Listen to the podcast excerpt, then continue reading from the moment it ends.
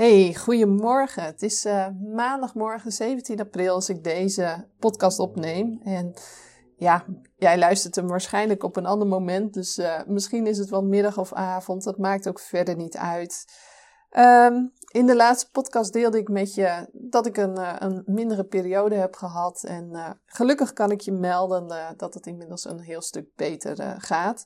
Het was voor mij de juiste keuze om op dat moment te besluiten om te stoppen met de medicatie. En uh, ja, het voelt net alsof er een, eh, een hele zware deken van me afgetrokken wordt. En uh, fysiek voel ik me echt uh, een stuk beter weer. Weer meer energie. Dus zo langzamerhand krijg ik ook weer meer energie om andere dingen op te pakken. Zoals het podcasten bijvoorbeeld weer. Maar ook privé. Ik had ook weinig energie om, om leuke dingen te doen, om met vriendinnen af te spreken. Nou, dat pak ik ook langzaam weer op. En wat misschien wel heel erg leuk is om te vertellen, zeker voor de mensen die mij al wat langer volgen. Um, als je me al wat langer volgt, dan weet je misschien uh, dat ik een, een Fries paard heb. Uh, ik ben een paardenmeisje. Een Friese Mary, Sita. En eigenlijk is het me nooit gelukt om deze Mary onder het zadel te krijgen. Vermoedelijk is daar iets misgegaan in het leerproces. Uh, waardoor ze enorm veel spanning altijd opbouwde onder het zadel. En soms ook echt gevaarlijk werd. Vorig jaar mei ben ik uh, op moederdag eraf gevallen. Toen heb ik ook mijn pink uh, gebroken gehad. Um, dus ja, ik, ik heb haar al 6,5 jaar en ik heb haar helemaal op de grond opgeleid. dan kunnen we lezen en schrijven. En is ze, is ook vreselijk vergevingsgezind naar mij. Uh, want ik ben soms gewoon echt wel lomp. Uh, maar weet je, ze, ja, ze is gewoon heel lief en heel zacht. En dus ik, ik kon het ook nooit rijmen van waarom verander jij dan zo als op het moment dat er een zadel bij komt kijken en ik erop stap. Nou, vorig jaar oktober uh, ben ik verhuisd van stal. Ik, ik was een paar maanden daarvoor ook verhuisd, want de stal waar ik stond, die hield er plotseling mee op. Ja, dan moest ik uh, op een hele korte termijn een nieuwe plek vinden. Nou, dat bleek dus niet onze plek te zijn. Ik, ik werd er doodongelukkig en paard eigenlijk ook. Dus toen zijn we in oktober nog een keer verhuisd en ergens heeft het zo moeten zijn, maar ik kwam op een plekje terecht, uh, heel kleinschalig. Iemand die, die zelf wat voorheen boer is geweest, maar nog een, een paar koeien heeft en zelf wat paarden heeft. Um, een, een, een oud stalgenootje uh, was ook op dat moment op zoek naar een plekje. Um, en die is daar ook komen te staan. Dus dat, dat voelde al heel goed dat we daar nu weer samen zijn. Um, maar deze, deze eigenaar van de stal, die is al 45 jaar bezig met mennen en uh, paarden rijden voor de wagen. En ik heb er gewoon in die 6,5 jaar nooit bij stilgestaan dat dat ook een optie zou kunnen zijn om te gaan verkennen met mijn paard. Weet je, ja, op de stallen waar ik stond deed men dat niet, dus ik ben er ook nooit mee in aanraking gekomen.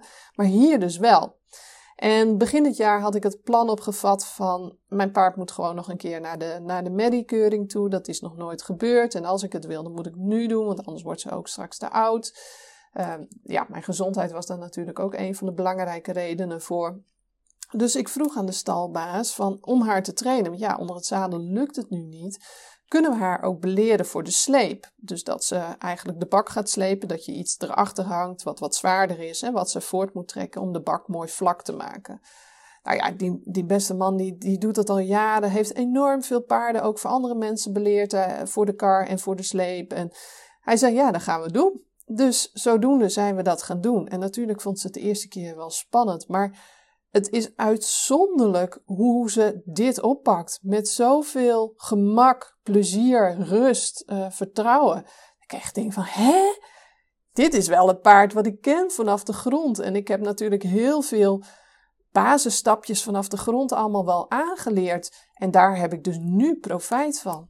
Dus echt na een paar weken zei, zei de stalbaas van, goh, volgens mij moeten we er maar een wagen achter gaan hangen. Dus dat hebben we gedaan en eerst heel voorzichtig uh, met inspannen de deur dicht. Maar ja, het inspannen, ze gaven niks om. Dan komt er zo, zo van achter, hè, van bovenaf zo'n zo'n boom om hun heen die aan de beide zijkanten zit. Daar lopen ze tussen, zeg maar. Daar gaf ze helemaal niks om. En de eerste keer had hij er hulp bij, dus uh, haar vast aan een, een longeerlijn liep er iemand naast voor de wagen en ze stapt zo weg. Ze had natuurlijk wel wat spanning, want het rammelt allemaal achter haar, het voelt anders. Uh, maar er is helemaal niks gebeurd. Dus na een, een, een, een x aantal meter hebben ze de lijn losgeklikt en, en zijn ze gekeerd. En zijn ze weer voor huis gekomen, langsgekomen en zei hij van nou stap maar op. En toen zat ik voor het eerst achterop de kar met mijn paard die voor het eerst voor de wagen liep. Nou, dat zou hij normaal nooit doen als hij het niet zou vertrouwen. Hè, want het gaat natuurlijk ook wel eens heel anders. Daar heeft hij genoeg ervaring mee. Um, maar hij vertrouwde het, ze deed het zo goed. Nou, en, en, en van daaruit zijn we gewoon verder gegaan met de wagen. En ze loopt nu drie, vier keer in de week voor de wagen. Um, ik doe het eigenlijk allemaal al grotendeels zelf, ondanks dat ik nog groen ben in het mennen eh, en, en zij ook nog redelijk groen. Maar ze doet het fantastisch. Natuurlijk vindt ze wel eens iets spannend onderweg, maar ja, ze loopt langs bussen, kranen, uh, uh, gekke dingen dat je echt denkt van, hè? Is dit hetzelfde paard? Uh, hij vroeg toen aan mij ook in het begin van, is er verkeersmarkt? Nou, ik zei, ik weet het eigenlijk niet, heb ik nog nooit geprobeerd. Maar ja, ik zei, we hebben ooit op stal naast een loonbedrijf gestaan, dus ze heeft genoeg gezien aan trekkers en kranen en weet ik veel wat. En daar geeft ze eigenlijk helemaal niks om. Nou ja, en dus zijn we het maar gewoon gaan proberen. En ja, ze laat het echt fantastisch zien. Dus dat geeft me heel veel plezier. En uh, ja, als je nu ziet in die paar maanden tijd, het is een, een, een bonk geworden, joh. Ze zit vol spieren nu en ze straalt en ze is trots en, en ze doet het zo ontzettend goed. Dus ja, nu heb ik dus een paard wat loopt voor voor de kar. Dus uh, ik ben wel langzaam om me heen aan het kijken voor een eigen karretje en een, uh, en een tuig. Zodat we straks, uh, nou ja, wie weet wat er nog voor ons te wachten ligt. nog eens een wedstrijdje kunnen doen voor de wagen. Of gewoon zo lekker recreatief. Het is wel lekker hoor. Gewoon wat ritjes zo door de dorpjes en door de landerijen. Dus ja, ik geniet, dat hoor je wel aan mijn stem. Ik heb er heel, heel veel plezier aan. Dus ja, weet je, daar waar ergens een deur sluit, al is hij nog niet helemaal dicht, de deur van onder het zadel. We gaan het binnenkort. Hij heeft ook veel paarden onder het zadel beleerd, dus hij gaat me er toch binnenkort nog een keer mee helpen. Uh, gaat ergens anders weer een deur open. En dat, dat is wel iets wat ik meerdere keren in mijn leven ook heb ervaren. Bijvoorbeeld ook met werk. Toen ik uh, destijds, uh, nadat ik uh, mijn, mijn trauma had verwerkt van de bevalling en, en ook hersteld was van de burn-out. Toen had ik daarna zeg maar zoiets van, ik, het moet anders. Dus toen ben ik ook gestopt met mijn baan als directeur. En daar waar die deur dicht ging, ging elders een deur open. En dat was mijn toenmalige bedrijf in de onderwijsadvisering over werkdruk. Um, dat, dat begon fantastisch te draaien. Dus dat is ook iets wat ik mee wil geven aan jou. Misschien word je, ben je genoodzaakt om iets los te laten, om, om een bepaalde deur te sluiten. Misschien omdat je fysieke klachten hebt overgehouden aan je bevalling. Maar dat hoeft niet te betekenen dat dingen voor altijd verloren zijn en dat het nooit meer goed kan worden of leuk kan worden. Alleen je moet je wel openstellen voor andere opties, voor andere deuren die kunnen opengaan. De kansen ook zien en ook nemen. En nou ja, zodoende heb ik dat dus nu ook mogen ervaren weer met mijn paard. En uh, ik had er nooit bij nagedacht. Uh, het was ook helemaal niet mijn intentie om haar voor de wagen te beleren. Ik wilde haar alleen voor de sleep, zodat ze spieren kon opbouwen. Maar van het een kwam het ander en het gaat zo fantastisch goed en ik geniet. En uh, ja, nu komen er allemaal gewoon weer leuke dingen op mijn pad. We gaan van zomer in, hier in Friesland wordt wel regelmatig uh, aan ringsteken gedaan. Dus we gaan van zomer gaan we een keer samen met haar ringsteken. We hebben gisteren even geoefend met uh, een van zijn paarden.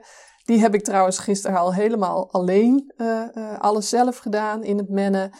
hij zat achter op de wagen als een groen, maar ik, ja, ik heb alles zelf gedaan en dat ging hartstikke goed. Op een gegeven moment zei hij, toen we weer bij huis waren, stap jij maar even wat heen en weer, want uh, ik moet even de paal voor drinksteken in de grond zetten. En uh, toen zat ik in één keer alleen op de wagen met zijn paard. En ik had zijn paard nog nooit eerder voor de wagen gehad.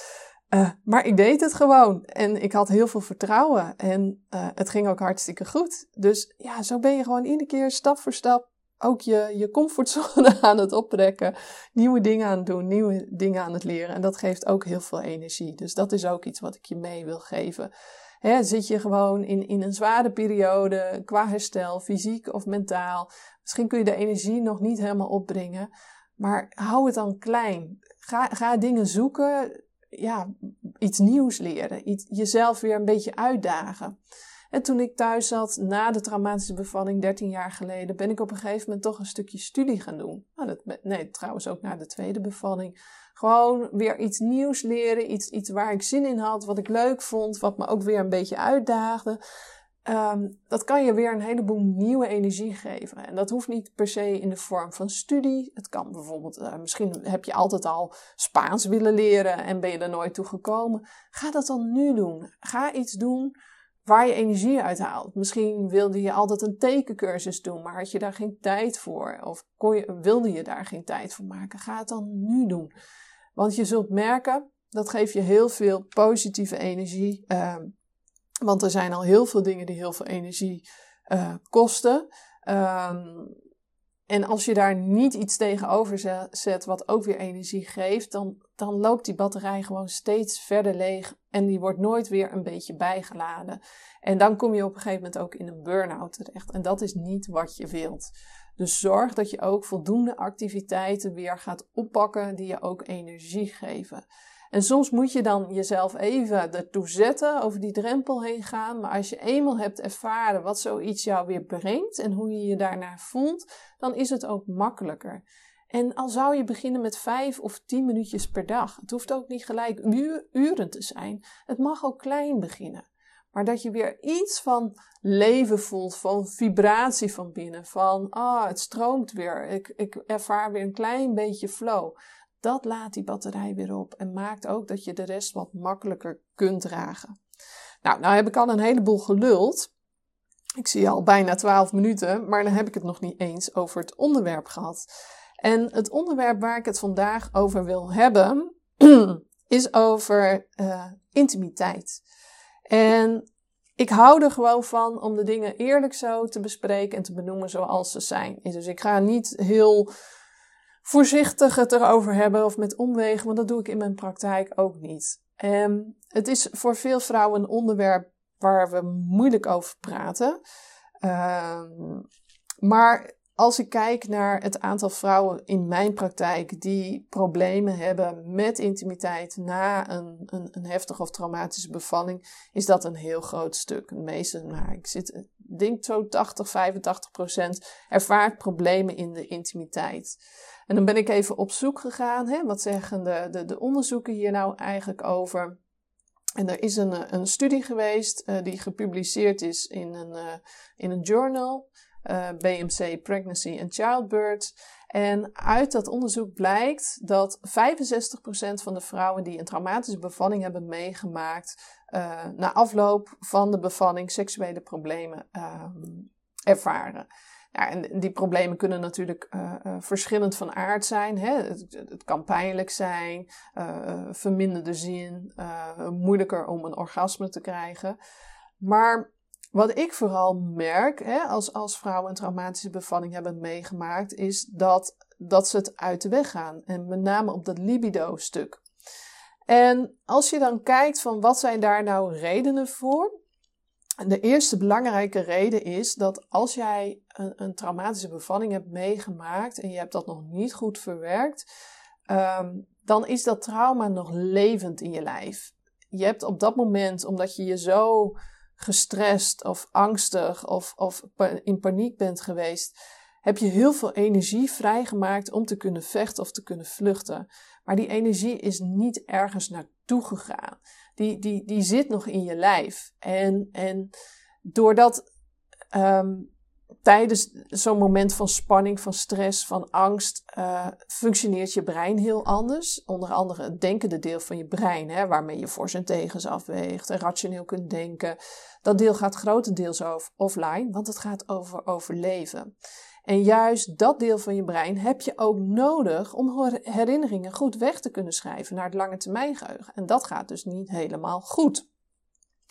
Dus um, je zit eigenlijk na zo'n ervaring zit je in survival modus. Die, die herinnering blijft heel levendig voelen. Die is opgeslagen in je amygdala, een persoonlijke ervaring, een bibliotheek. En zodra er informatie binnenkomt via je zintuigen, dingen die je hoort, die je ziet, die je ruikt, die je proeft, die komen razendsnel binnen in je brein. Die worden heel snel vergeleken met die ervaringen in je persoonlijke ervaringenbibliotheek. En als je brein zegt van, ho, wacht eens even. Dit doet me denken aan wat ik eerder heb meegemaakt. Dan word je opnieuw getriggerd en voel je dus weer van alles in je lijf gebeuren aan gevoelens, emoties en ook fysieke gewaarwordingen. Plus dat die, die energie die vrijgemaakt is om te vechten of te kunnen vluchten, die zit ook nog opgeslagen in je lijf. En eh, veroorzaakt daar ook allerlei fysieke problemen. Dus je zit in survival modus, zoals we dat noemen, in overleefstand. En dat gaat niet vanzelf weg als je maar lang genoeg wacht of, of dat soort dingen. Dat, dat blijft gewoon aanwezig. En hoe langer je daarmee leeft, op een gegeven moment wordt dat ook gewoon je nieuwe normaal. Je went daar ook aan, terwijl je eigenlijk wel een voortdurende mate van spanning in je lijf hebt. En daardoor komt je lijf ook gewoon heel weinig toe aan herstel. En hoewel vanuit de oertijd, hè, vanuit ons bestaan, beginnende bestaan als mens, is uh, voortplanten natuurlijk een, een, een vrij grote eerste levensbehoefte, want anders zouden we als mensen uitsterven. Maar op het moment dat het aankomt op leven en dood, is het geen eerste levensbehoefte meer. Dus eigenlijk worden we op die manier al geprogrammeerd om minder zin te hebben als we in die overleefmodus zijn. Terwijl als we het trauma goed verwerken, we kunnen uit die overleefstand gaan, we kunnen weer, weer meer in die rust- en herstelmodus gaan, um, dan zul je ook merken dat het, de zin ook weer meer terugkomt. Daarnaast speelt er ook iets mee over heel veel vrouwen willen nog wel een kindje, maar willen absoluut niet meer zo'n bevalling meemaken. En uh, dus bewust of onbewust, vaker nog onbewust, gaan we ook intimiteit uit de weg, want dat is de grootste garantie dat we niet nog een keer zwanger raken. En ik denk dat in mijn eigen geval dit op een onbewust level bij mij heel erg mee heeft gespeeld na mijn traumatische bevalling 13 jaar geleden.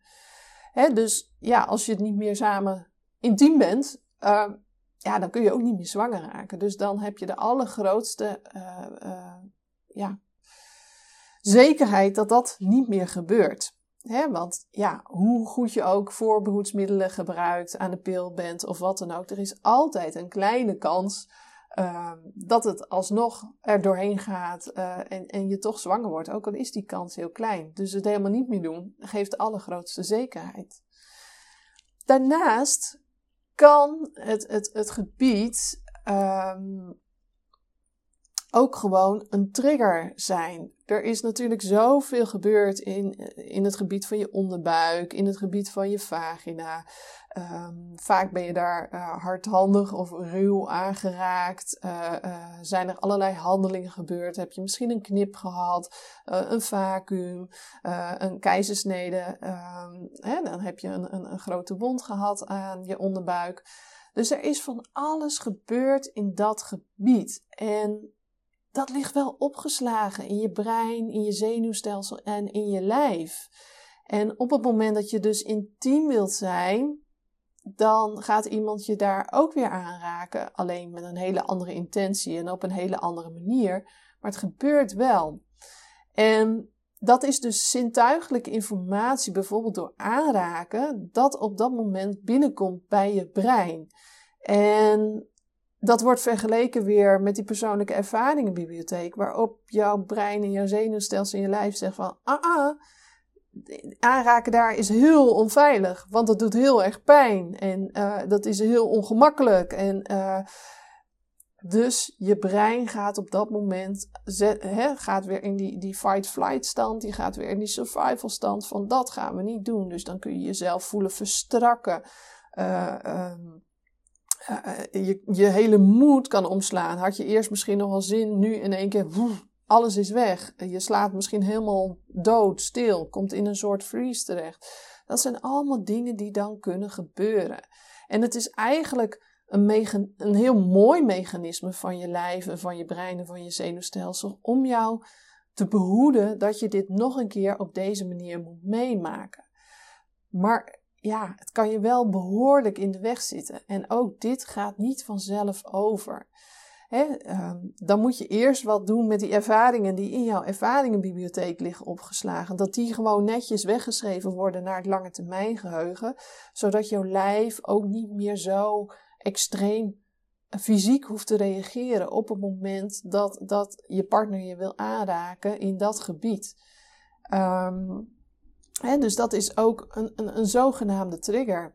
En als je dat voelt gebeuren, dat verstijven, verkrampen, en je gaat dan toch door, ja, dat geeft altijd pijn. En daarmee versterk je eigenlijk nog meer een, een, een, een heftige ervaring. Versterk je dit gevoel nog meer van uh, intimiteit en seks is pijnlijk. Dus uh, belangrijk is om daar eerst iets mee te gaan doen voordat je überhaupt verder gaat. Een laatste die hierin nog mee kan spelen in het stukje intimiteit zijn de gevoelens richting je partner. En ja, ik, ik benoem gewoon de dingen zoals ze zijn. Dat, dat weet je inmiddels van me. Ehm, het komt best wel geregeld voor dat vrouwen hier bij mij komen voor het verwerken, die, uh, nou ja, die niet meer op dezelfde manier naar hun partner kunnen kijken als voor de tijd. Uh, die zich heel erg alleen, hebben gevoeld, niet gesteund hebben gevoeld. Um, ja, waarbij de partner ja, niet zoveel heeft gedaan. Uh, misschien ook vanuit machteloosheid. Hè? Dat is natuurlijk heel goed mogelijk. Um, maar ook dat soort dingen, als je, als je je partner om je heen hebt uh, gemist op de momenten die voor jou het meest heftig waren. Um, zorgt er wel voor dat je vanaf dit moment ook met andere ogen naar je partner kijkt. En het gebeurt best wel geregeld dat vrouwen in mijn praktijk, ja, dat hun relatie best wel onder vuur ligt. Dat ze uh, behoorlijk fel zijn naar hun partner.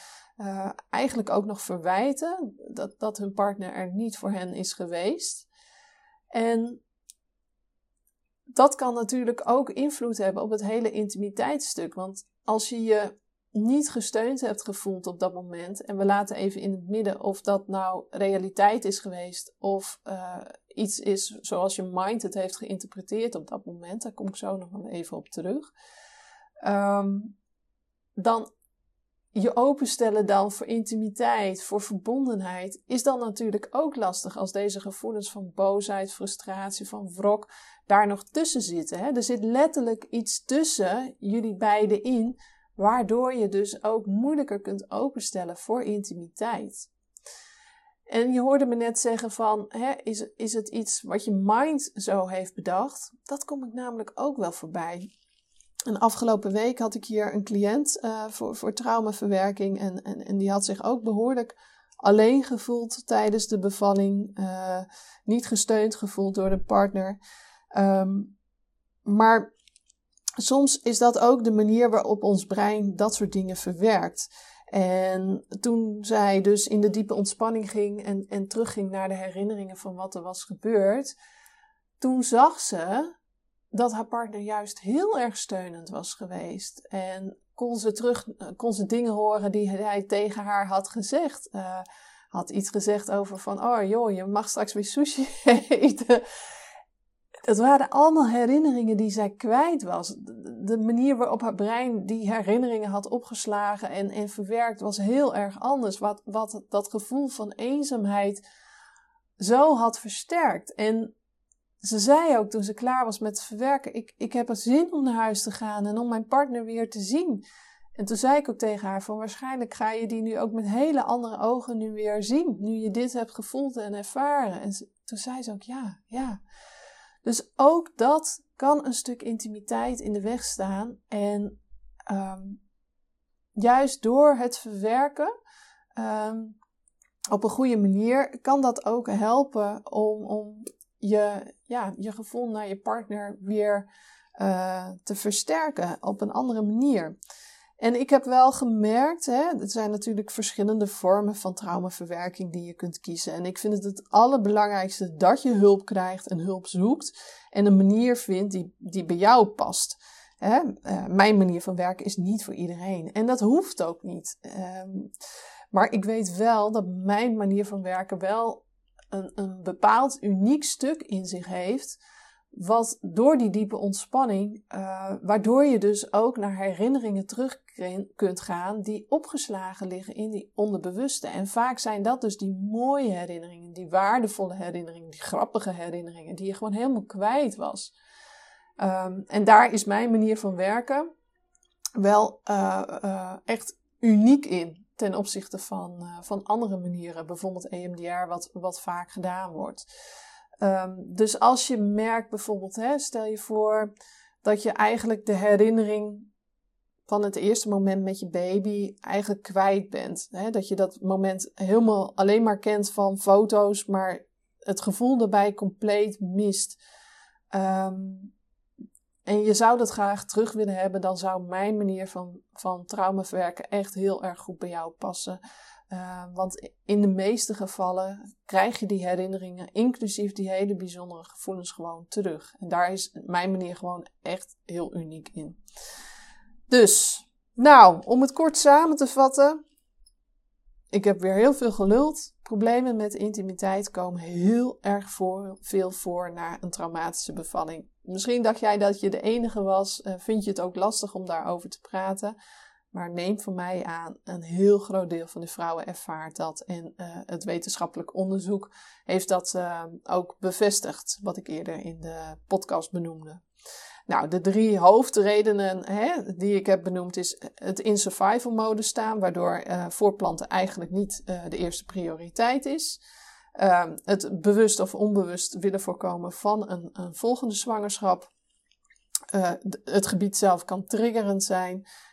en daarnaast kunnen gevoelens richting je partner een, een rol spelen. Nou, ik ben wel heel erg benieuwd als jij ook problemen ervaart in, in de intimiteit welke bij jou spelen? Is dat er één of zijn het er misschien meerdere? Um, ik, ik, ja, ik heb ook benoemd wat bij mij vooral speelde. Hè? Dat was de tweede, het, het willen voorkomen van een zwangerschap op een onbewuste manier. Um, dus ik ben ook wel benieuwd hoe dat bij jou is. Dat mag je me altijd laten weten door een berichtje te sturen via social media of uh, door me te mailen via contact.ankevelstra.nl. En zeg je van, goh, ik, ik zou toch wel wat meer willen weten over trauma, hoe dat nou werkt, welke klachten daar nog bij horen. Misschien twijfel je wel of, of het trauma is. Het was wel een heftige bevalling, maar ja, je kent nog uh, tien verhalen die tien keer erger waren dan die van jou. Uh, misschien heb je daar nog vragen over. Schrijf je dan in voor mijn maandelijkse gratis informatiesessie op mijn website www.ankevelstra.nl uh, of in de profielen van mijn social media uh, kun je de link vinden naar, de, naar deze informatiesessie. Kun je je gratis voor inschrijven. Um, en dan ga ik je daar nog veel meer over vertellen, zodat je voor jezelf ook beter kunt begrijpen wat er nu eigenlijk speelt, waarom je je voelt zoals je je voelt.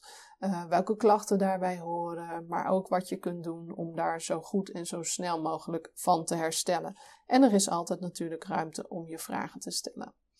Nou, dankjewel voor het luisteren als je helemaal tot hier bent uh, gekomen. Supergoed. En uh, ik, uh, ik zou het leuk vinden als je ook weer bij de volgende podcast weer luistert. Nou, hey, fijne dag nog vandaag. Doei doei.